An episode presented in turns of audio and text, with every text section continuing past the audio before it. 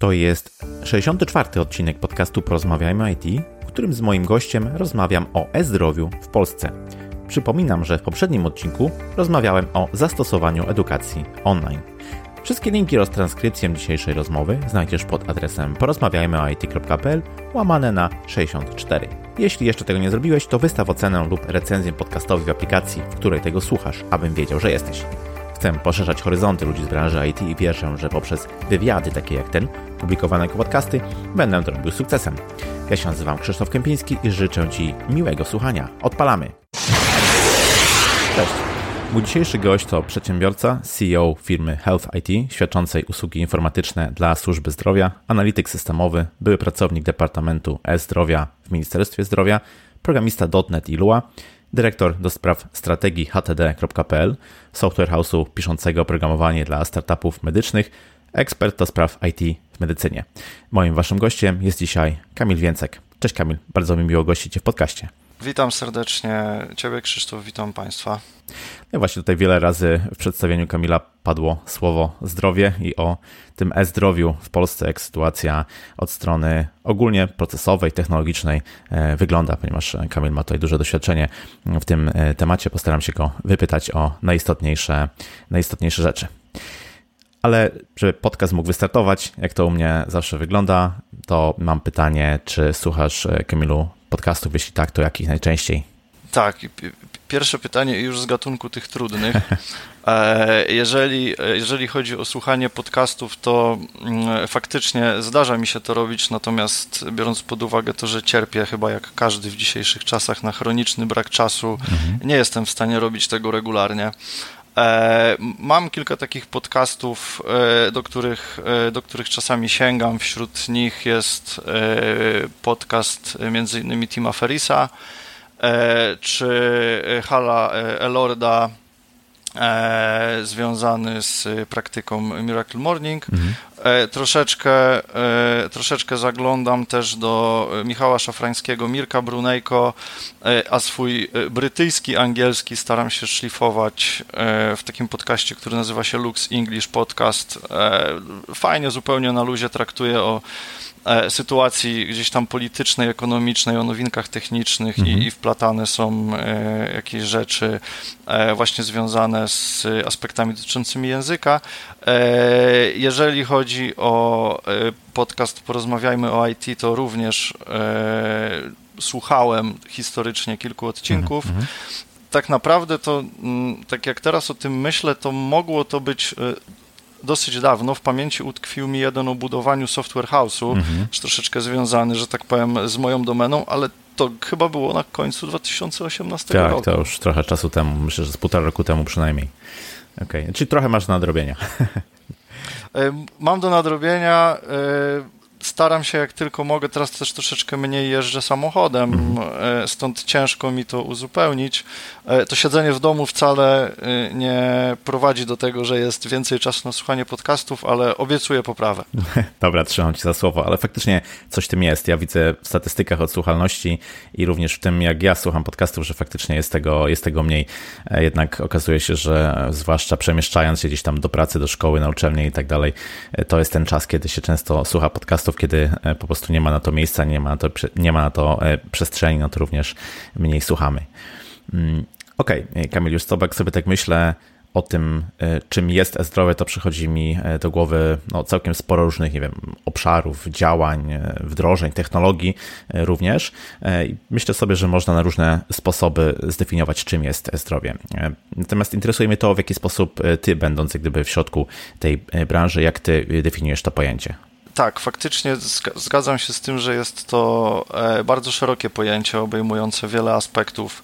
E, natomiast e, no nie można uciec od tego, że kręci się ono wokół technologii i wokół rozwiązań informatycznych. Mhm. Ja zdefiniowałbym samo e-zdrowie jako wykorzystanie informatyki do wspomagania działań związanych z ochroną zdrowia No i tutaj możemy sobie to rozbijać na różne aspekty, czy to dotyczące telemedycyny, czy stricte utrzymania systemów informatycznych w jednostkach ochrony zdrowia.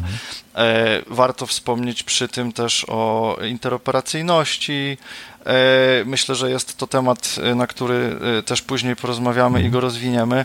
Natomiast w, w mojej definicji e-zdrowia tak naprawdę najważniejszym jest pacjent. Mhm. E, moim zdaniem zdrowie powinno być e, definiowane przez ten pryzmat i to wszystkie te e, elementy i wszystkie te poddziedziny e-zdrowia, które sobie wyobrazimy, wymyślimy czy wyartykułujemy, powinny zawsze wprowadzać, sprowadzać się do jednego, a mianowicie do tego, że to pacjent powinien być w centrum uwagi i wszystkie rzeczy, które są robione w systemach informatycznych, E, związanych właśnie z tą dziedziną powinny się sprowadzać do stawiania pacjenta na pierwszym miejscu. Mhm, jasne. Ostatnio o zdrowiu, również e-zdrowiu w okresie pandemii koronawirusa mówi się bardzo dużo i my jako mm, no, beneficjenci, co by y, nie mówić, y, usług ochrony zdrowia, mamy okazję obserwować y, działania urzędów właśnie centralnych, głównie związanych z informatyzacją tego obszaru. To jest jakiś taki trend, czy jakiś taki proces, który oczywiście nie rozpoczął się teraz, trwa już od mm, jakiegoś czasu, natomiast no, mam wrażenie, że teraz jak gdyby częściej się o tym po prostu mówi. Tutaj no, myślę o takich rzeczach, o których pewnie większość z nas gdzieś tam słyszała, albo miała do czynienia, e-recepty, e-zwolnienia, czy też przebudowa całego mm, systemu właśnie mm, NFZ-u. E, czy mógłbyś powiedzieć, jak e, wygląda sytuacja na mm, polskim rynku czy obszarze e-zdrowia z perspektywy właśnie centralnej? Po pierwsze zgadzam się z tym, że e, teraz w końcu widać te zmiany. Zgadzam się też z tym, że dzieje się od dłuższego czasu. Mhm. E, no niestety tutaj, biorąc pod uwagę uwarunkowania e, formalne związane z jednej strony z rozliczeniami na styku Unii Europejskiej, z których te projekty są dotowane, a z, z drugiej strony nie do końca dostosowanie naszych urzędów do prowadzenia tak skomplikowanych projektów e, informatycznych. Te projekty długo się rozpędzały. Mhm. W tym momencie, czyli myślę, że od około trzech lat, e, te projekty naprawdę nabrały tempa. No i tutaj w, faktycznie wśród nich takim największym i flagowym jest projekt P1. Jeżeli chodzi o projekt P1, to tak w dużej mierze mm, zakłada on centralizację pewnych usług. E, właśnie z, z, punktu widzenia pacjenta, e, patrząc, e, patrząc na to wszystko. No i tutaj częścią e, tego systemu P1 e, jest chociażby wdrożenie recepty, mhm. E, która no, z jednej strony, też można powiedzieć, nawiązując do aktualnej sytuacji, troszeczkę E, troszeczkę pomogła w okiełznaniu e, potrzeb pacjentów mm, w, właśnie w aktualnej sytuacji. Mhm. E, recepta jest tak jakby pierwszą podwaliną, jeżeli chodzi o sam system P1. W tym momencie, bo od, od początku roku jest ona obowiązkowa do wystawiania wśród lekarzy. Mhm. Drugim aspektem, który się toczy E, jeżeli chodzi o system P1, to jest e, elektroniczne skierowanie, to jest e-skierowanie. E, tutaj w tym momencie trwają pilotaże mhm. tego, tego rozwiązania. Tak właściwie pierwsza faza pilotażu zakończyła się we wrześniu 2019 roku. Tam w tym pilotażu wzięło udział około 100 podmiotów. No i w tym momencie e, to jest stan na e, przed świętami 1433 podmioty były e, podłączone do e-skierowania, natomiast mhm. ono nie jest jeszcze obowiązkowe. Ono będzie obowiązujące mm, dopiero w przyszłym roku, czyli tak naprawdę tutaj jest jeszcze troszeczkę czasu. Mhm. Mamy też internetowe konto pacjenta, które dostępne jest na stronie internetowej pacjent.gov.pl jest to tak jakby mm, e, próba złączenia tych wszystkich e, usług i e, tych, które są i tych, które mają być mhm. udostępnione właśnie w jeden punkt. No i tutaj w tym momencie mamy udostępnione przeglądanie swoich recept, skierowań. Mamy też zrobioną integrację ze starym systemem NFZ-u który nazywa się ZIP. Tam są informacje o naszych świadczeniach, takie bardziej od strony rozliczeniowej. Mhm. To to ten system, o którym czasami było głośno, że różne ciekawe kwiatki się pojawiały, e, typu, że mężczyzna miał e, na przykład jakieś świadczenia ginekologiczne, tak, tak. o to też gdzieś tam jest związane znowu z polityką fraudów i wieloma innymi rzeczami, e, które nad którym też trwa proces optymalizacji, mhm. no bo tutaj od strony tego, co się dzieje, jeżeli chodzi o podmioty, też y, wiele rzeczy było do dopracowania i optymalizacji, także na styku e, tego, żeby centralnie można było zbierać miarodajne informacje. Mhm. E, także mamy, e, mamy to, to IKP. W samym IKP mm, są już w tym momencie udostępnione zgody moduł zgód zawiera m.in. udostępnienie, e, danie dostępu e, osobie bliskiej lub opiekującej się, danie dostępu do swojej dokumentacji medycznej. Możemy również udostępnić wybranemu lekarzowi czy wybranej jednostce zgodę na dostęp do dokumentacji. Docelowo mają się tam znaleźć także zgody do zabiegów. Jeżeli chodzi o to co jeszcze dalej, no to tutaj ważnym aspektem jest współpraca e, też różnych resortów na styku integracji. To mhm. jest, wydaje mi się, coś, co potwierdza też jakąś e, spójnie wypracowaną strategię, no naprawdę przeogromnych projektów. E, no tutaj mówię o takiej rzeczy, która również będzie rozbudowywana, natomiast w tym momencie jest to integracja IKP w zakresie e-recepty z M-Obywatelem, mhm. E, czyli tak naprawdę każdy e, obywatel, który korzysta e, właśnie z aplikacji M-Obywatel udostępnionej przez Ministerstwo Cyfryzacji, może tam podejrzeć swoje recepty, a co za tym idzie je zre zrealizować. Mhm. Mamy do tego jeszcze projekty, które dzieją się w ramach poprawiania sytuacji, tudzież próby y, wyjścia resortu, czy gdzieś tam tego centralnego punktu w naszym systemie do jednostek, w sensie takim, że to też nie do końca jest tak, że nikt nie myśli o tym, że ustalane są tylko normy i e, zresztą radźcie sobie sami, bo po prostu macie się dostosować. Mhm. No i na to mm, dobrym przykładem jest gabinet.gov.pl, e, czyli aplikacja udostępniona e, właśnie przez Ministerstwo Zdrowia, przez CSIOZ. Jest to aplikacja, dzięki której lekarz, czy to prowadzący małą przychodnię, czy własną praktykę, może po odpowiednim zautoryzowaniu się wystawiać recepty, wystawiać zwolnienia i zarządzać e, w prosty sposób e, swoimi pacjentami i, i swoimi wizytami. Także jak widać tutaj ten wachlarz, ten wachlarz jest dosyć szeroki.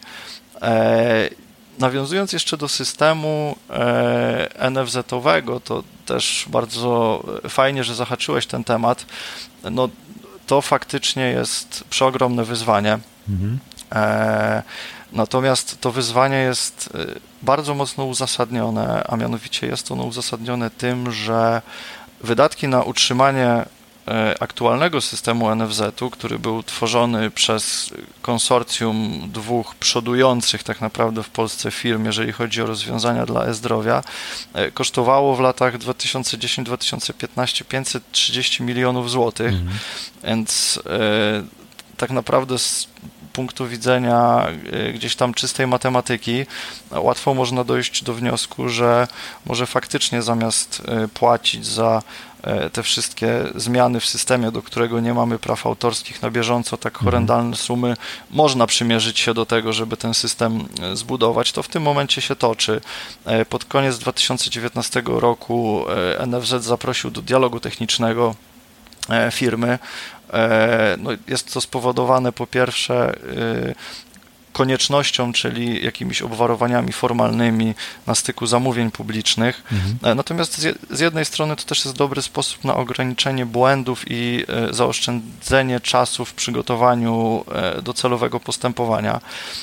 Także myślę, że jest to ambitny projekt, natomiast jest on do zrealizowania i tutaj te wszystkie doświadczenia, które na przestrzeni lat zostały zdobyte, mam nadzieję, że będą wykorzystane i to wszystko zabrnie, żeby tak naprawdę optymalnie korzystać z naszych pieniędzy pod mhm. tym kątem tak docelowo i żeby to wszystko sprawnie funkcjonowało. Mhm. Warto też powiedzieć o tym, że E, dużo rzeczy też jest planowanych i te, te plany związane są z e, planowaniem nowej perspektywy unijnej. E, tutaj ja też jeszcze mm, pracując w Departamencie Zdrowia miałem przyjemność uczestniczyć w, w dwóch grupach roboczych, które zajmowały się planowaniem nowej perspektywy.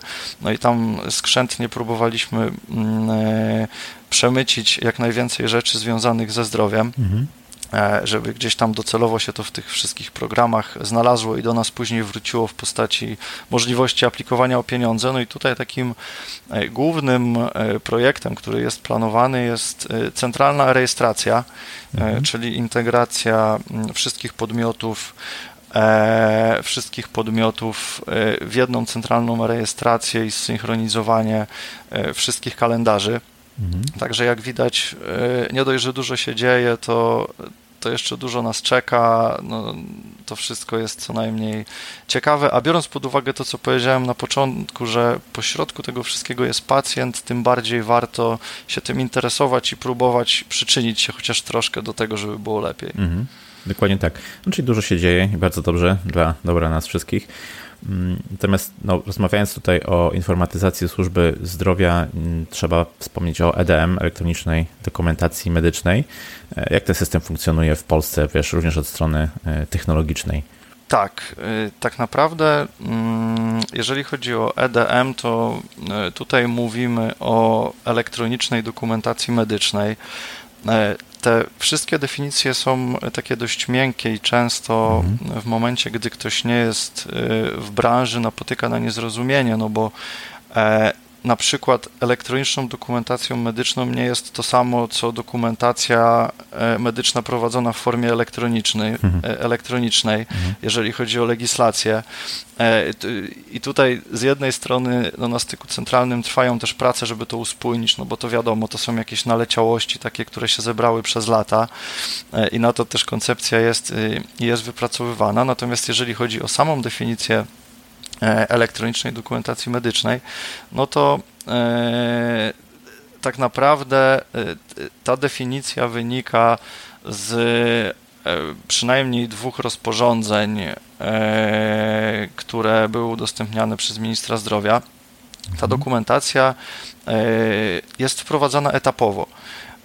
W tym momencie od stycznia 2019 roku obowiązek prowadzenia części dokumentacji e, w postaci EDM mają e, szpitale. Mhm.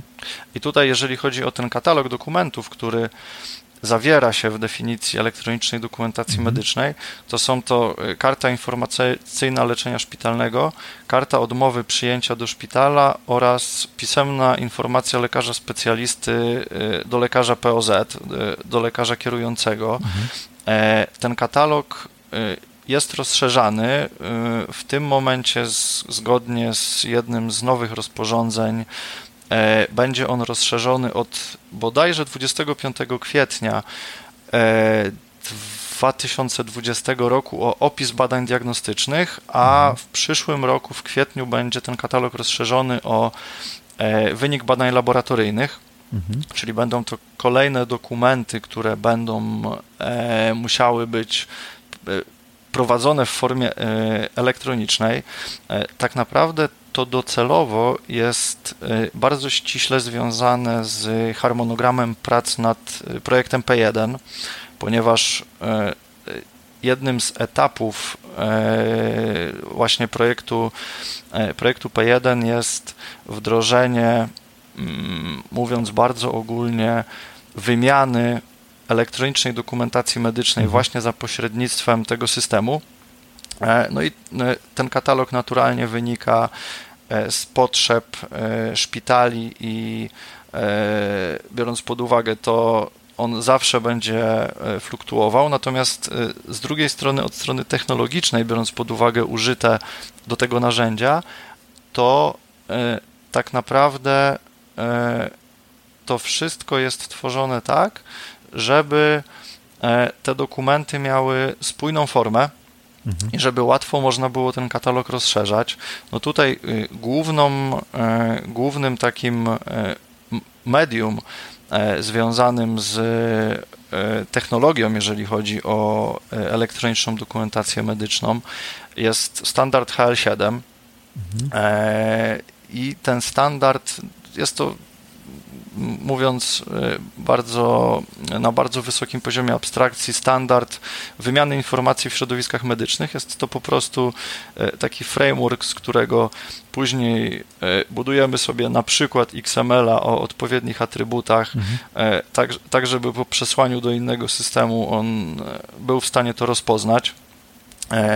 My tutaj w Polsce mamy wypracowaną tak zwaną polską implementację krajową E, HL7 mhm. E, i tutaj e, i tutaj z jednej strony został udostępniony właśnie taki bazowy dokument medyczny w formacie HL7 CDA, który pozwala na tworzenie zgodnie z tą implementacją dowolnych elektronicznych dokumentów medycznych, a z drugiej strony na bieżąco doszczegóławiane są e, poszczególne dokumenty e, już konkretne, czyli chociażby te wspomniane, ale e, w tym zakresie dokumentacja jest wypracowana też dla wielu innych, chociażby dla mhm. karty oceny stanu pacjenta, dla raportu dla raportu pielęgniarskiego, czy dla zaleceń pielęgniarskich przy wypisie ze szpitala. Mhm. Także E, ten katalog jest, jest dosyć rozbudowany i z pewnością będzie jeszcze rozbudowywany. E, jeżeli chodzi natomiast o samą e, wymianę elektronicznej mhm. dokumentacji medycznej, no to tutaj mm, sam projekt P1 zakłada mm, coś takiego, że jednostki będą zobowiązane od 1 stycznia 2021 roku, co jest bardzo dużym wyzwaniem, mhm. będą zobowiązane do tego, żeby e, wysyłać do systemu P1 indeksy. E, indeksy dokumentów, które będą przechowywać w swoich mhm. repozytoriach. E, w pierwszej kolejności to będą e, oczywiście te dokumenty, które będą zgodnie z rozporządzeniami elektronicznymi, dokumentami medycznymi, natomiast e, budowa systemu pozwala na to, żeby tak naprawdę wymieniać dowolne dokumenty. Mhm. No i po wysłaniu takiego indeksu na, e, przez system, biorąc pod uwagę to, co przemyciłem wcześniej, mówiąc o internetowym koncie pacjenta i zgodach, mhm. E, szybko powinno nam się to skleić w całość i taki scenariusz biznesowy, który będzie możliwy dzięki tej usłudze, będzie wyglądał mniej więcej tak, że mm, jeżeli pacjent przyjdzie sobie na przykład do lekarza w swoim POZ, do swojego lekarza rodzinnego, mhm. to te, ten lekarz y, w momencie, gdy będzie miał odpowiednie zgody, które też będą realizowane na kilka sposobów, bo nie tylko z poziomu IKP, ale także między innymi przez SMS, e, lekarz ten będzie mógł za zgodą pacjenta pobrać e, dokumentację medyczną danego pacjenta, po to, żeby ją wykorzystać i nawet zapisać sobie w swoim archiwum, tak żeby ten mhm. przepływ dokumentacji był, e, był możliwy i żeby to sprawnie szło. No i jeżeli chodzi o ten aspekt, to od strony technologicznej e, zostały, mm, zostały użyte tak zwane profile IHE. To są takie standardy, protokoły, używane w świecie healthcare, które e, pokazują e, dobre i utarte już w wielu krajach praktyki, chociażby związane z przetwarzaniem czy przesyłaniem różnego rodzaju dokumentacji pomiędzy podmiotami. No i tutaj właśnie mhm. elementy tych standardów zostały ze sobą pomieszane i do tego użyte. Rozumiem. Okej, okay, ty jak powiedziałem gdzieś tam na początku przedstawiając e, ciebie, jesteś e, związany albo pomagasz powiedzmy różnym organizacjom czy stowarzyszeniom, które w Polsce w jakiś sposób działają w obszarze e, e-zdrowia. Powiedz proszę, jakie organizacje są właśnie najbardziej aktywne w Polsce w tym, tym obszarze, jakie działania podejmują na co dzień? Tych organizacji jest tak naprawdę mm, bardzo wiele. Ja osobiście jestem członkiem zespołu młodych menadżerów medycyny, Stowarzyszenia Młodych Menadżerów mhm. Medycyny, które, które działa przy Polskiej Federacji Szpitali, największej polskiej organizacji zrzeszającej polskie szpitale. Jeżeli chodzi o nasze działania, czy też działania samej federacji, no to E, tutaj skupienie jest mm, e, w tych aspektach e, technologicznych czy cyfrowych głównie na zapewnieniu networkingu i dostępie do informacji na temat tego, co się dzieje, zarówno od strony centralnej, jak i nowinek technologicznych. Mhm. No i to zapewniane jest z jednej strony E, poprzez e, konferencje, które e, są organizowane dla, dla branży. Mm, z drugiej strony sam zespół młodych menadżerów medycyny jest autorem raportu startupowego, tak naprawdę pierwszego w Polsce raportu, pierwszego w Polsce opracowania tego typu traktującego o startupach medycznych. Mhm kilkadziesiąt, tak naprawdę ponad 70 startupów e, zostało przepytanych o różne aspekty związane ze swoją e, działalnością e, i tam no, na tej podstawie zostały wyciągnięte pewne ciekawe wnioski. Mhm. Dodatkowo jesteśmy współautorami kampanii RODO w zdrowiu, która no, gdzieś tam przy okazji RODO ma pomóc uświadomić pacjentom, że to RODO nie jest wcale takie straszne. No, tutaj te aspekty technologiczne też siłą rzeczy się mhm. pchają. E, dużo pracy też związanej z warsztatami e, na styku e, uświadamiania, jeżeli chodzi o cyberbezpieczeństwo. No my też w zespole młodych menadżerów medycyny organizujemy sobie takie wewnętrzne spotkania z ekspertami branżowymi i niejednokrotnie są to przedstawiciele największych firm czy instytucji, które właśnie działają cyfrowo w mhm. branży healthcare, także e, jeżeli chodzi tutaj o, o nas, to tego typu działania, natomiast tych organizacji jest bardzo dużo, no tutaj cały ekosystem e, Forum E-Zdrowia, e, czyli jednej z największych w Polsce konferencji healthcare'owych, są różnego rodzaju think tanki, między innymi think tank dla zdrowia działający mhm. Mm, we współpracy z Centrum Zdrowia Matki Polki, jest Stowarzyszenie HL7, Polska Izba Informatyki Medycznej, która e, zrzesza dostawców oprogramowania, telemedyczna grupa robocza. Mhm. E, nie, nie, bez znaczenia są e, też w, w tym całym procesie cyfryzacji organizacje pacjenckie,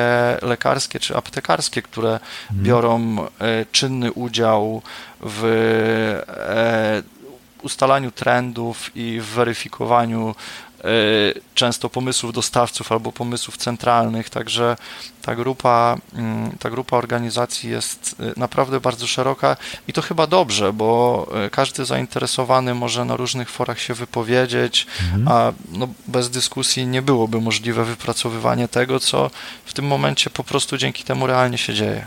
Mhm, pewnie. E, chciałbym chwilę nawiązać do tego tematu startupów, o którym przed chwilą e, wspomniałeś. E, co jakiś czas w mediach gdzieś tam przebija się informacja właśnie o innowacyjnych polskich startupach, które w obszarze nowych technologii w medycynie właśnie działają. Chciałbym Cię zapytać, jak wygląda sytuacja takich firm? Czy faktycznie można mówić o innowacyjności e, w ogóle tego sektora w Polsce. Mm, gdybyś mógł jeszcze powiedzieć, e, jakie obszary medycyny powiedzmy są najczęściej wspomagane przez tego typu e, startupy, jakimi obszarami się te startupy zajmują? Tutaj, tak jak wspomniałem wcześniej, jeżeli chodzi o raport młodych menadżerów medycyny, no to w tym raporcie znalazło się ponad 70 E, startupów, e, to tak naprawdę z mhm. dużym prawdopodobieństwem, a właściwie na pewno e, nie są wszystkie, więc to pokazuje, że tych startupów takich stricte medycznych jest naprawdę, jest naprawdę bardzo dużo. Jeżeli chodzi o obszary tematyczne, tych startupów, w sensie jakie problemy próbują one podejmować czy rozwiązywać, to E, ten katalog naprawdę jest mm, bardzo szeroki. E, z jednej strony są to e, rozwiązania stricte bazujące na sztucznej inteligencji, pomagające czy to chatbotom, czy jakimś systemom telefonicznym, VoIPowym albo wprost lekarzom w diagnostyce. Tutaj, jeżeli chodzi o, o to, mm, fajnie będzie przywołać taki przykład z ostatnich dni, gdzie mm, Ministerstwo Zdrowia wraz z Centrum Systemów Informatycznych Ochrony Zdrowia uruchomiło na stronie pacjent.gov.pl e, chatbota. Mhm. E, ten, ten e, chatbot powstał we współpracy z jednym ze startupów, ze startupem Chatbotize oraz z IBM Watson Assistant. No i te narzędzia zostały sprzęgnięte do tego, żeby wyprodukować chatbota, który E, pomoże z jednej strony odciążyć e, poblokowane w tym czasie trudnym mhm. e, linie telefoniczne NFZ-u, a z drugiej strony będzie mógł udzielić naprawdę fajnych odpowiedzi i trafnych odpowiedzi na nurtujące ludzi pytania. Z, z drugiej strony są to E, wszystkie innowacje ułatwiające czy to komunikację z pacjentem, czy zdalną diagnostykę. No i tutaj e, ilość specjalizacji takich stricte medycznych, do których się to odnosi, jest bardzo szeroka, no od kardiologii, czy jakieś urządzenia związane z obserwowaniem płodu, mhm. na przykład KTG, e, jakaś diagnostyka nowotworowa, czy systemy do wspomagania leczenia ran. Są to naprawdę różne obszary medycyny. Warto też zwrócić uwagę na to, że często startupy podejmują e, kwestie takie stricte społeczne, mhm. e, które gdzieś też bardzo mocno wiążą się e, ze zdrowiem. No i tutaj mam na myśli e, wszystkie, wszystkie e, startupy, wszystkie pomysły, które traktują o chociażby tematyce związanej z teleopieką albo z koordynacją opieki. Mhm. My na przykład w Health Tech Developers planujemy teraz taki projekt, tak jakby boksu e, do leków. E, mhm. Jesteśmy w tym momencie na etapie e, pozyskiwania dofinansowania i gdzieś tam mamy mm, za sobą takie mocno zaawansowane prace koncepcyjne. Ma to być takie pudełko, które sprzęgnięte z aplikacją na Androida lub iOS-a będzie pomagało pacjentowi wydawać leki przy jednoczesnym ciągłym czuwaniu lekarza mhm. nad tym procesem. E, także tutaj naprawdę jest wielkie pole do popisu w samym tym no, małym, niemałym e, świadku healthcare. Mhm. E, jest ogromny potencjał i tak naprawdę należy zaznaczyć, że w Polsce ten rynek dopiero raczkuje i się rozwija. Jest wiele możliwości pozyskiwania dofinansowania dla takich młodych firm. Natomiast te wszystkie możliwości nie koncentrują się wokół branży. Mhm. E, no, chyba, że na uczelniach e, medycznych e, one prężnie działają. Tutaj warto wspomnieć chociażby Uniwersytet Medyczny Łódzki. Te startupy prężnie tam działają i są inkubowane.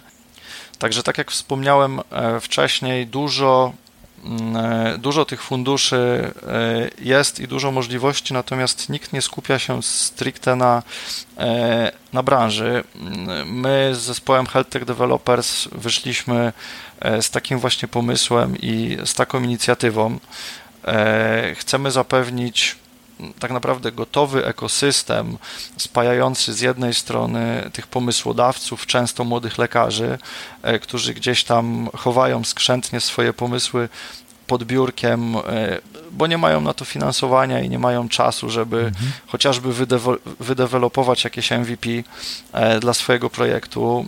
Z drugiej strony do tego ekosystemu zapraszamy też mentorów, którzy pomogą e, tym wszystkim inkubowanym pomysłom w dopracowaniu modelu biznesowego, tak żeby to rozwiązanie było na wprost e, sprzedawalne e, mhm. lub po prostu, żeby mogły być wykorzystane w naszych realiach. No i trzecią taką stroną medalu jest zaangażowanie też w ten projekt inwestorów, którzy, mówiąc krótko, dadzą kopa do tego, żeby to wszystko mogło się wydarzyć i dzięki zaalokowaniu jakichś środków te pomysły staną się faktem. Okej, okay, no to fajnie, że mamy się czym pochwalić. Właśnie, Nagrywamy ten podcast w czasie, kiedy cały świat walczy z pandemią koronawirusa. Kto tylko może zwraca się ku e, pracy zdalnej, przechodzi na taki e, model pracy zdalnej. E, czy telemedycyna według Ciebie może być odpowiedzią właśnie na tego typu sytuacje pandemii? Czy Polska w ogóle jako kraj jest również pod względem informatycznym mm, gotowa na telemedycynę? Czy, czy no nie wiem, takie mniejsze podmioty, bo nie mówię tutaj o jakichś dużych szpitalach, dużych jednostkach, ale czy takie mniejsze podmioty mogą liczyć na jakiekolwiek mm, finansowanie we wdrażaniu właśnie rozwiązań związanych y, z telemedycyną u nas w kraju? E, tak, znaczy ja myślę, że telemedycyna tak naprawdę już jest odpowiedzią e, i to, i to chyba bardzo skuteczną. Mhm. E, no dzięki tej niefortunnej i bardzo poważnej sytuacji, która nas spotkała E, szybko okazało się, że zarówno lekarze, jak i pacjenci e, byli w stanie przestawić się w zdalny tryb funkcjonowania i ja jakoś tak jak rozmawiam, czy to z jedną, czy z drugą stroną, raczej nikt na to nie narzeka. E, I najśmieszniejsze w tym wszystkim jest to, że mówię głównie o tych mniejszych placówkach, które mogłoby się wydawać, że E, nie do końca są gotowe na to nawet mentalnie.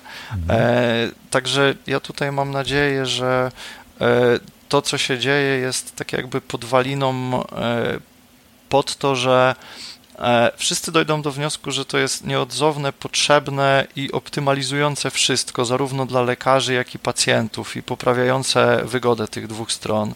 Dlatego mam nadzieję, że E, że te rozwiązania teraz naprawdę dostaną kopa i będą się tylko e, rozwijać i coraz więcej placówek nawet po e, zakończeniu epidemii będzie korzystało z dobrodziejstw tych telemedycznych na różne sposoby. Mhm.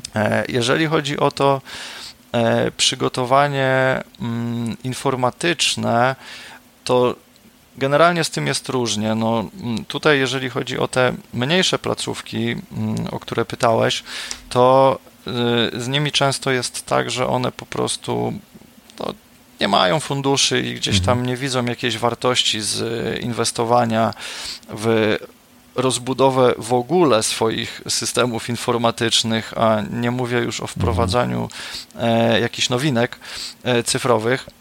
Natomiast e, jeżeli chodzi E, jeżeli chodzi o to, to na to mm, e, pojawiło się jakieś światełko w tunelu. Ja zawsze miałem takie wrażenie, też śledząc te konkursy unijne, które są czy to na szczeblu centralnym, czy w ramach regionalnych programów operacyjnych, to nigdy do tej pory nie było czegoś, co by pozwoliło na ucyfrowienie właśnie tych mniejszych. Zawsze, mhm. zawsze te zawsze te projekty były, mówiąc kolokwialnie, łykane e, przez no jednak e, większe jednostki. Tak. A, a co za tym idzie, bardziej uświadomione, czy takie, które wręcz mają swoje zespoły do pisania projektów, dlatego ciężko było coś wyłuskać mniejszym placówkom. E, natomiast takie dofinansowania w tym momencie są. Z jednej strony są to dofinansowania NFZ-owe na sprzęt informatyczny. No, to nie są jakieś tam przeogromne pieniądze, natomiast y, pozwalają one zaspokoić jakieś bieżące potrzeby, chociażby jeżeli chodzi o rozbudowę e, swoich systemów e, gabinetowych e, przez te mniejsze placówki, czy zakupienie kilku komputerów, czy drukarek, które gdzieś mogą się przydać, także zawsze jest to jakaś pomoc i to jest jedna strona medalu, natomiast drugą stroną medalu jest program Dostępność Plus dla zdrowia, jest to e, program, który jest między innymi adresowany do e, jednostek e, właśnie podstawowej opieki zdrowotnej, czyli mm, tak mówiąc ogólnie tych naszych lekarzy rodzinnych. Mhm. I jeżeli chodzi o ile sam projekt Dostępność Plus zakłada dostosowanie placówek do potrzeb osób niepełnosprawnych, o tyle składa się on z różnych komponentów, a wśród tych komponentów jest między innymi komponent cyfrowy. No i e, tam właśnie mamy pole do popisu, jeżeli chodzi o wdrażanie systemów telemedycznych, czy, czy jakichś usprawnień na styku zdalnej diagnostyki, czy poprawy komunikacji z pacjentami. Także to jest dosyć duże pole do popisu, tym bardziej, że w tym programie placówki mogą uzyskać ogólnie e, do 720 tysięcy e, dofinansowania. Tyle pieniążków może uzyskać jedna placówka e, i to finansowanie jest stuprocentowe, czyli tak mhm. naprawdę nie muszą nic dokładać z własnych środków. No, ja myślę, że to jest bardzo dobra decyzja, że w końcu pojawił się taki projekt. Mhm. No i tutaj nie dość, że zaspokoi on te potrzeby odnośnie ucyfrowienia, to jeszcze, co pewnie najważniejsze, przyczyni się też do e, poprawy jakości obsługi pacjentów, ze szczególnym uwzględnieniem tych niepełnosprawnych, którzy często no, w wielu sektorach są po prostu zapomnieni. Mhm. A telemedycyna też może się do tego przyczynić. OK, to tyle jeśli chodzi o mniejsze jednostki, a teraz chciałbym przeskoczyć na te większe, ponieważ no, masz doświadczenie we wdrażaniu rozwiązań informatycznych, na przykład w szpitalach. Jestem ciekawy, jakich technologii, jakich rozwiązań się tam używa. No tak, yy, szpitale to przeogromne przedsiębiorstwa, Mhm. No wiadomo, że inna skala jest w e, szpitalu powiatowym, inna e, skala w jakimś e, dużym szpitalu klinicznym. Natomiast myślę, że można pokusić się o takie stwierdzenie, że w każdym szpitalu centralnym, tak jakby punktem, jeżeli chodzi o system informatyczny, jest system HIS, Hospital Information System. No i to jest tak jakby E, serce i wyjście do wszystkiego. No tutaj, jeżeli chodzi o e, tego rodzaju systemy, to e, obsługują one ścieżki ruchu chorych, jakieś zlecenia medyczne, magazyny apteki przyszpitalnych, czyli wszystkie te procesy, które są stricte związane z, mówiąc brzydko, obsługą pacjenta w mhm. szpitalu, czy to dostarczaniem mu leków, e, czy gdzieś tam jakichś elementów diagnostycznych e, i tak dalej. No jeżeli chodzi o mm, systemy HIS, to tak naprawdę w Polsce jest dosłownie kilku dostawców, e, mhm. którzy e, dostarczają tego typu oprogramowanie. Natomiast e, z ciekawostek mogę powiedzieć, z których osobiście jestem bardzo dumny, jest kilka szpitali, którzy jest kilka szpitali, które same napisały sobie oprogramowanie, a należy zaznaczyć, że te systemy hisowe to często są naprawdę kobyły i mm. to są bardzo rozbudowane, wielomodułowe systemy. E, także tutaj e, szapoba chociażby dla Szpitala Uniwersyteckiego imienia Jurasza i dla całego zespołu Maćka Pieczki. E, jeżeli chodzi o te rzeczy jeszcze naokoło diagnostyki, to mm, no, często jako moduł systemu HIS, czasami oddzielnie E, są wdrażane systemy RIS. To są e, systemy, które są dedykowane obsłudze wszystkich procedur e, wykonywanych w ramach diagnostyki obrazowej. Co za tym idzie, integralną częścią, o ile szpital stać jest na to, co jest generalnie oddzielną historią, są mhm. systemy klasy PAX, E, systemy klasy PAX służą do przechowywania obrazów, które z reguły są bardzo dokładne, czyli dużej objętości. No, tutaj mhm. mam na myśli na przykład obrazy z rezonansu czy tomografu komputerowego.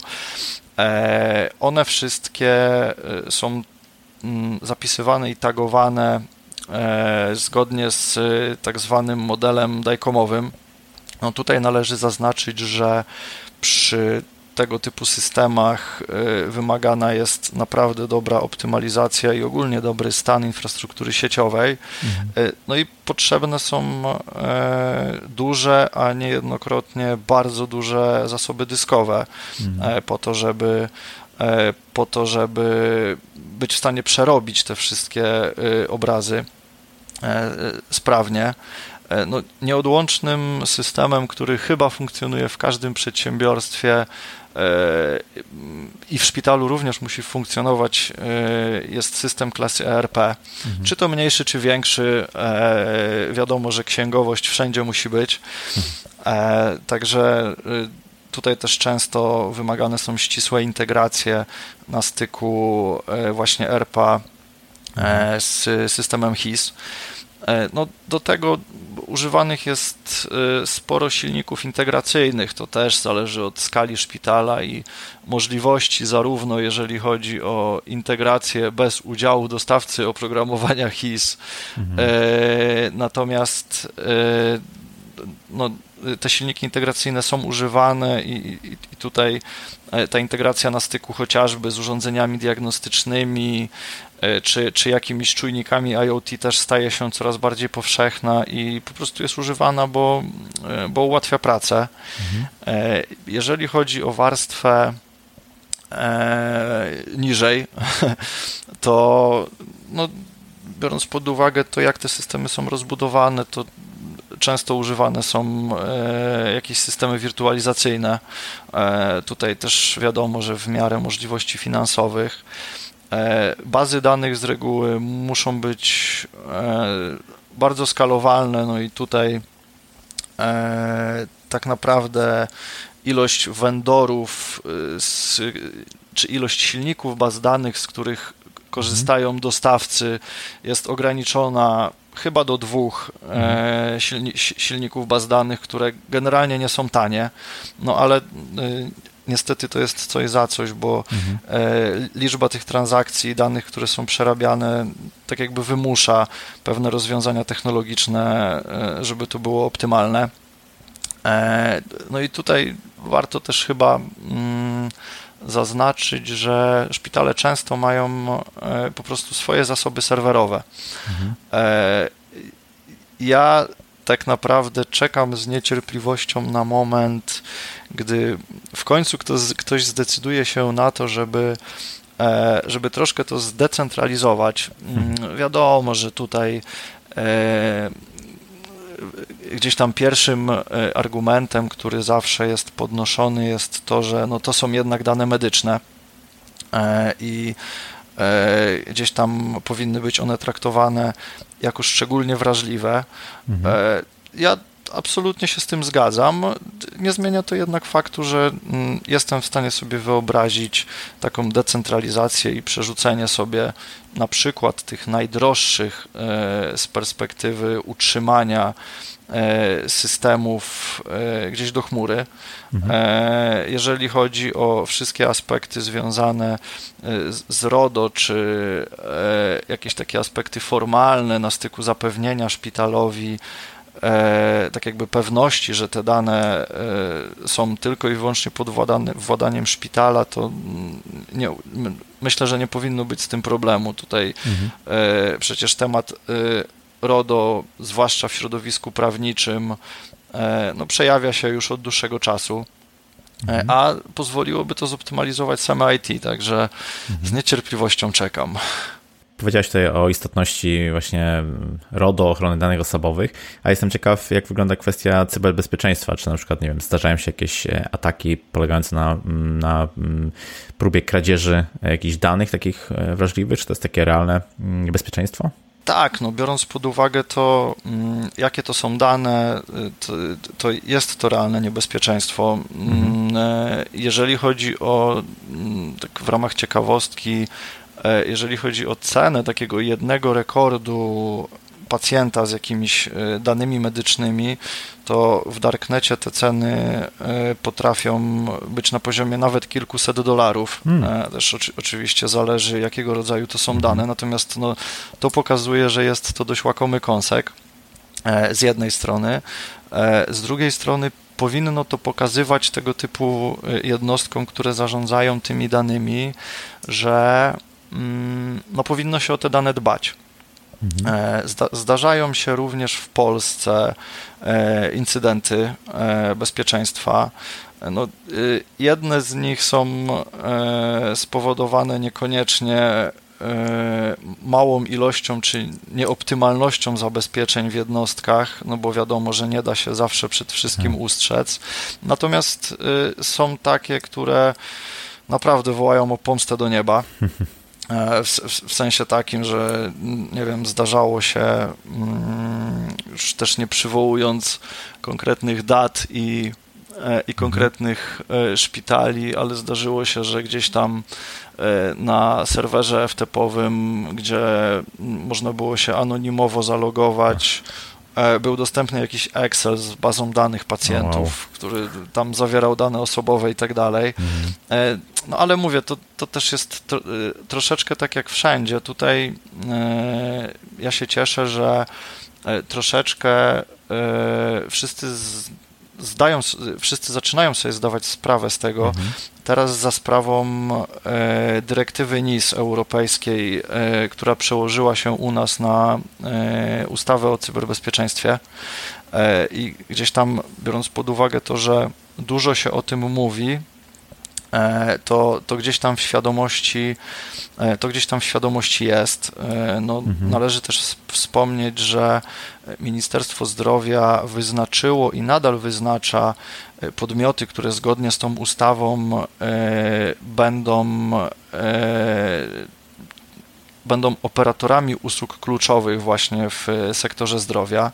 Mhm. No i oprócz tego, że są to jednostki podległe typu e, NFZ i CSIOZ, no to e, wyznaczonych już w tym momencie jest e, chyba nawet kilkanaście szpitali.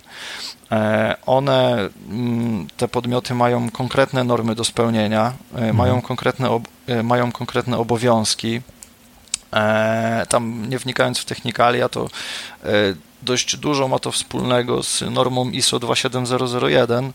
E, tak, żeby sobie spróbować wyobrazić, jaka to jest mm, skala przygotowania i mhm. ile rzeczy E, ile rzeczy trzeba zrobić, no a co za tym, e, ile to może kosztować, bo to wiadomo, że z jednej strony gdzieś tam opracowanie czy optymalizacja tych procedur, które są, a z drugiej strony no jakieś wydatki takie e, realne na sprzęt czy specjalistyczne oprogramowanie, chociażby typu CM, czy, mhm. e, czy, czy jakąś optymalizację, nie wiem, styku z internetem, to no, to wszystko kosztuje. Pewnie. Dlatego, e, a biorąc pod uwagę te normy prawne, które mm, gdzieś tam są e, i przychodzą e, do nas, no to chcąc, nie chcąc, trzeba będzie się dostosować. Generalnie ja mam troszeczkę taką teorię, że Szpitale dzielą się na trzy aspekty, jeżeli chodzi o uświadomienie w tematach IT. Chyba w tematach cyberbezpieczeństwa. Mhm. E, pierwsze, mm, pierwszy rodzaj szpitali to są takie, które e, no, po prostu nie mają pieniędzy. E, nie mają pieniędzy i IT nie jest w stanie nic zrobić, bo management nie jest uświadomiony mhm. i po prostu dla nich IT jest tylko kosztem. E, który ciężko przełożyć na mhm. jakąś e, realną wartość. Też trochę nie ma się dziwić, e, trochę nie ma co się dziwić managementowi niektórych szpitali, ponieważ też trzeba wziąć pod uwagę to, że rozwiązania informatyczne jakie naprawdę bezpieczne i optymalne, no, nie należą do tanich, a mhm. jeżeli ktoś ma do wyboru E, nie wiem, zakup e, jakichś środków e, czy urządzeń, które bezpośrednio wpływają na tak. nawet uratowanie życia pacjenta versus tam zakup nowego switcha czy, czy czegokolwiek związanego z infrastrukturą czy rozbudową oprogramowania, no to mhm. jak ktoś tych pieniędzy nie ma, ciężko oczekiwać, żeby słuchał IT, tak, i wybrał ten switch czy, czy firewall. E, ale z, z, drugiej strony e, są też takie jednostki, które e, mają większą świadomość, potrafią walczyć o fundusze. No właśnie, gdzieś tam władze są bardziej uświadomione, no, mhm. ale to już wynika z, z organizacji wewnętrznej i trzeba by i trzeba by gdzieś tam rozpatrywać e, każdy przypadek, e, każdy przypadek mhm. oddzielnie. No i są jeszcze takie, które nie mają pieniędzy, a zespołom IT naprawdę zależy i, próbowa- i próbują robić jak najwięcej. Mhm. w sensie takim, że próbu- próbują na maksa wyciskać z, z, tego, czego nie mają, tak mhm. naprawdę, mhm. to, co tylko się da. Także no tutaj, jeżeli chodzi o to mm, cyberbezpieczeństwo, to e, naprawdę jest różnie. Natomiast ten poziom świadomości czasami jest naprawdę duży, czasami jest niewystarczający, ale ja myślę, że dzięki zabiegom tego typu, czyli chociażby ustawa o cyberbezpieczeństwie, no to prędzej czy później do wszystkich dotrze to, co powinno, czyli no, że po prostu te dane y, wszędzie muszą być zabezpieczone, niezależnie od rodzaju i wielkości placówki, no bo chyba nikt by nie chciał, żeby te jego dane gdzieś sobie tam bezwiednie Jasne. krążyły. Pewnie. Dokładnie tak. Ok, wspomniałeś y, na początku o Radzie Interoperacyjności. Powiedz proszę, czym ona jest, y, jakie działania powiedzmy w kontekście właśnie IT i służby zdrowia podejmuje? E, Rada Interoperacyjności e, jest takim ciałem mm, doradczo-opiniotwórczym, e, który został powołany przy CSIOZ. Mhm. Jest to jest to takie ciało, które składa się z przedstawicieli organizacji pacjenckich, lekarskich, aptekarskich, przedstawicieli uczelni, dostawców oprogramowania, E, na posiedzeniach tej rady uczestniczą również e, przedstawiciele Ministerstwa Zdrowia, też biorąc pod uwagę to, że mhm. Centrum Systemów Informatycznych Ochrony Zdrowia bezpośrednio podlega pod e, Ministerstwo Zdrowia, no nie jest to dziwne. Ostatnio, ostatnio nawet na, na posiedzeniu Rady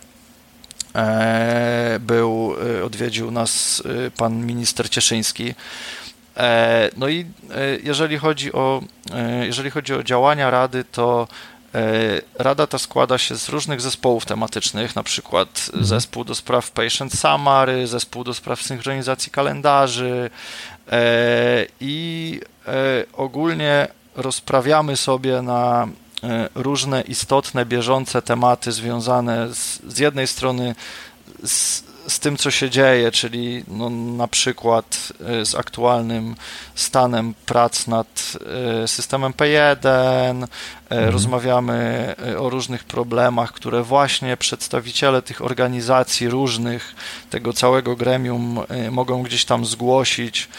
E, no, żeby spróbować te procesy czy działanie pewnych systemów zoptymalizować czy, e, czy zmienić. E, Tutaj warto też zaznaczyć, że niebawem w strukturach Rady Interoperacyjności będzie powołany zespół, którego zadaniem będzie stworzenie strategii e-zdrowia w Polsce mhm. Na kolejną perspektywę unijną. Także z jednej strony mm, są to te kwestie bieżące i tak jakby możliwość dzięki szerokiemu gremium wypowiedzenia się w, w tych rzeczach, które w świecie e-zdrowia się dzieją, e, żeby zgłosić swoje uwagi, e, czasami wylać e, duże żale, no a czasami po, po, po prostu konstruktywnie podyskutować, żeby zoptymalizować jakieś tematy. Mhm. I to jest jedna strona medalu, a druga strona medalu to praca nad e-zdrowiem w Polsce na takim y, wysokim poziomie y, gdzieś tam rozumienia, no czyli chociażby jeżeli chodzi o strategię. Można powiedzieć, że Rada Interoperacyjności y, w jakimś, mm, w jakimś tam e, stopniu nawet i kreuje trendy, które mhm. E, w polskim e-zdrowiu za chwilkę się wydarzą. No właśnie, a jakbyś mógł tak podsumować stan, powiedzmy, informatyzacji służby zdrowia w Polsce w porównaniu do innych krajów, to co mógłbyś na ten temat powiedzieć? To może zacznę od tego, jak to jest w samej Polsce, e, no bo tutaj e, muszę powiedzieć, z czego jestem bardzo zadowolony i dumny, że jest coraz lepiej. Mhm. E, jeżeli chodzi o taki, takie konkretne źródło, które jest w stanie udzielić tej informacji, to jest to głównie taka wypuszczana dość nieregularnie mm, ankieta CSIOZ-u, E, która nazywa się e, Badanie informatyzacji podmiotów wykonujących działalność leczniczą. Mhm. No i tutaj, e, i tutaj do porównania, czy w tym momencie odbyły się cztery edycje tej ankiety. Wiadomo, że tam te pytania też nie są cały czas takie same. Ona jest troszeczkę modyfikowana, natomiast można wyciągać E, można wyciągać wnioski, jeżeli chodzi o to, co się, jak się ma przeszłość do tego, co jest teraz.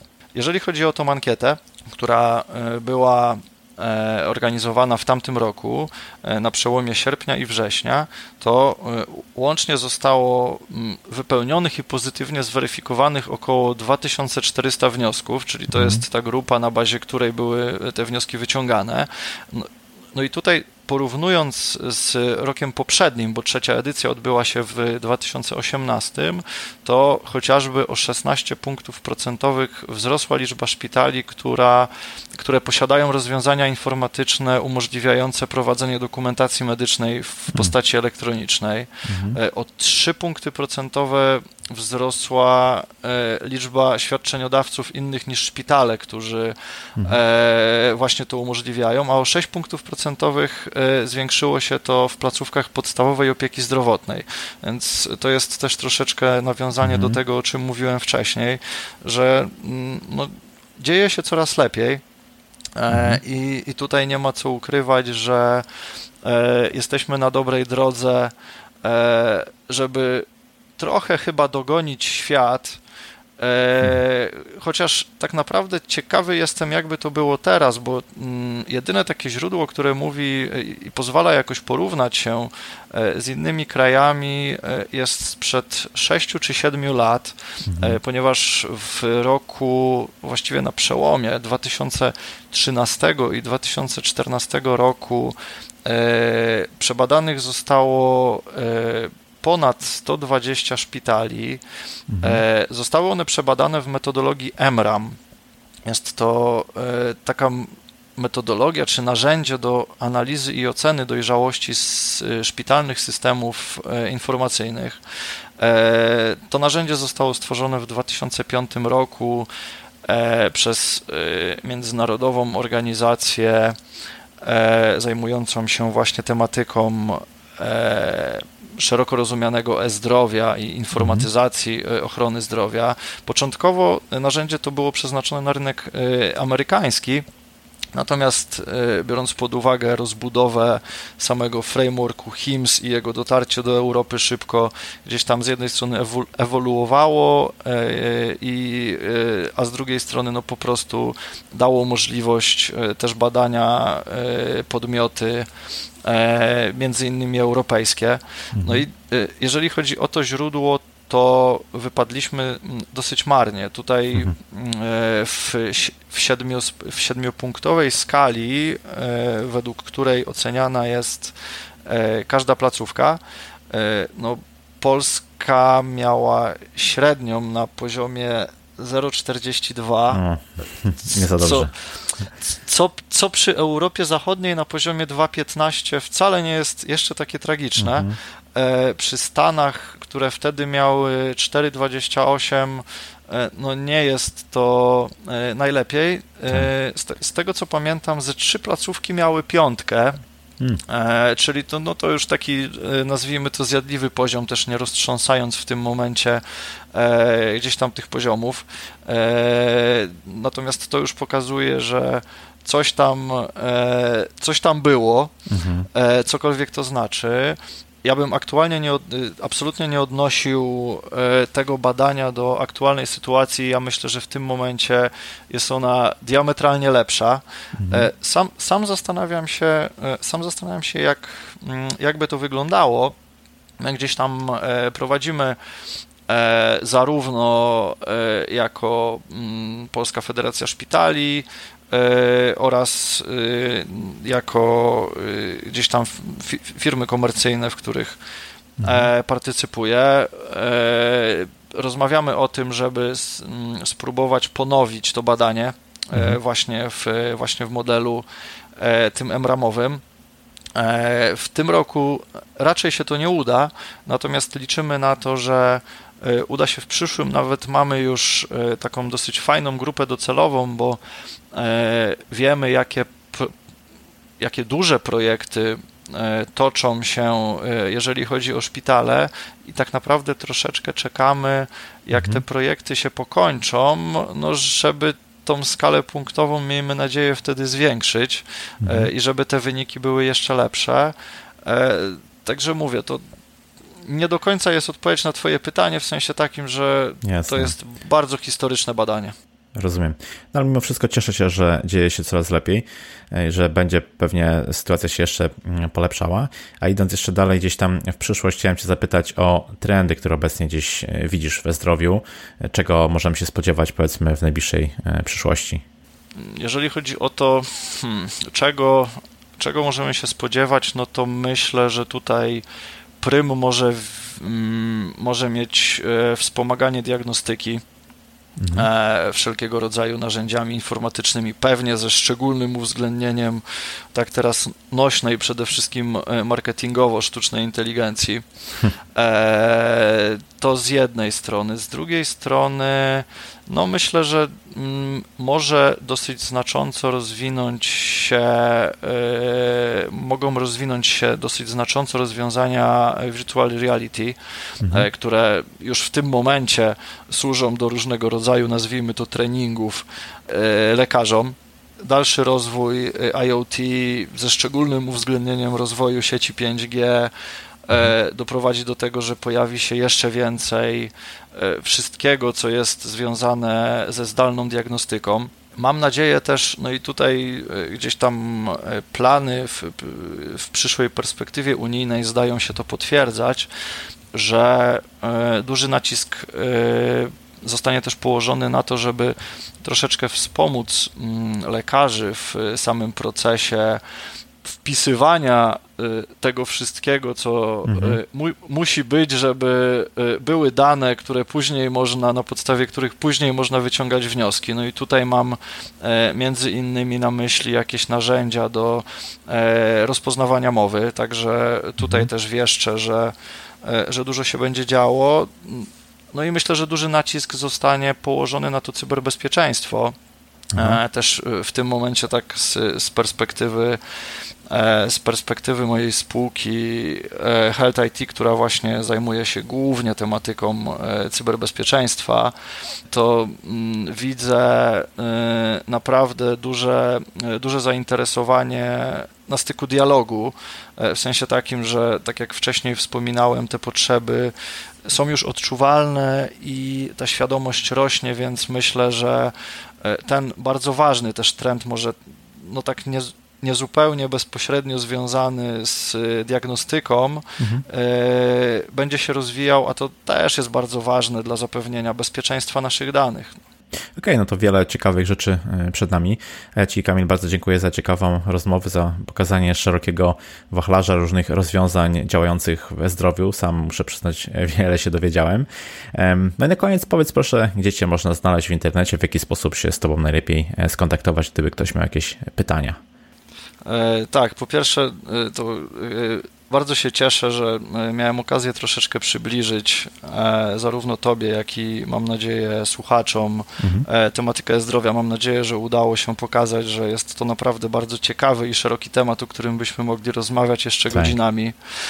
Przy okazji chciałem też wspomnieć, biorąc pod uwagę to, że jest to mój debiut w podcaście, chciałem wspomnieć, że zawsze chciałem pracować w rozgłośni radiowej, gdy byłem o, mały, więc... Marzenia się spełniają. Tak, więc dzięki Krzysztof za danie mi namiastki tego. E, bardzo się z tego cieszę, jednocześnie serdecznie dziękuję e, za zaproszenie. E, jeżeli chodzi o to, gdzie można mnie znaleźć, no to najlepiej szukać na LinkedInie. Tam jestem dostępny i chętnie odpowiem na wszelkie pytania, wątpliwości. Będę też wdzięczny za ewentualne uwagi. Pewnie. Oczywiście wszystkie linki dodam jak zawsze w notatce tego odcinka. Jeszcze raz dzięki Kamil. Do usłyszenia. Cześć. Dzięki, pozdrawiam. I to na tyle z tego, co przygotowałem dla Ciebie na dzisiaj. Ostatnio dużo słyszy się i robi w temacie e-zdrowia w Polsce. I to bardzo dobry trend. Mam nadzieję, że będzie działo się coraz więcej dla naszego wspólnego dobra. Niektórzy z nas w tym okresie mają znacznie więcej wolnego czasu. Można go dobrze wykorzystać, słuchając podcastów lub czytając książki. I tak się składa, że mam jedną do polecenia. Jest to książka autorstwa Claire Evans, pionierki internetu, którą otrzymałem od wydawnictwa Uniwersytetu Jagiellońskiego. Warto przeczytać, żeby uświadomić sobie, jak wielki wpływ na rozwój informatyki odcisnęły kobiety, albo chociażby, żeby dowiedzieć się, miarą czego jest kilo dziewczyna. Polecam. Jeśli spodobał Ci się ten odcinek i nie chcesz przegapić kolejnych epizodów podcastu, zasubskrybuj go w aplikacji, w której słuchasz. Jeśli nie wiesz jak to zrobić, wejdź na stronę porozmawiajmyit.pl łamane na subskrybuj. Jeśli masz jakieś pytania, pisz śmiało na Krzysztof Małpa Ja się nazywam Krzysztof Kępiński, a to był odcinek podcastu Porozmawiajmy IT o e-zdrowiu w Polsce. Zapraszam do kolejnego odcinka już za tydzień. Cześć!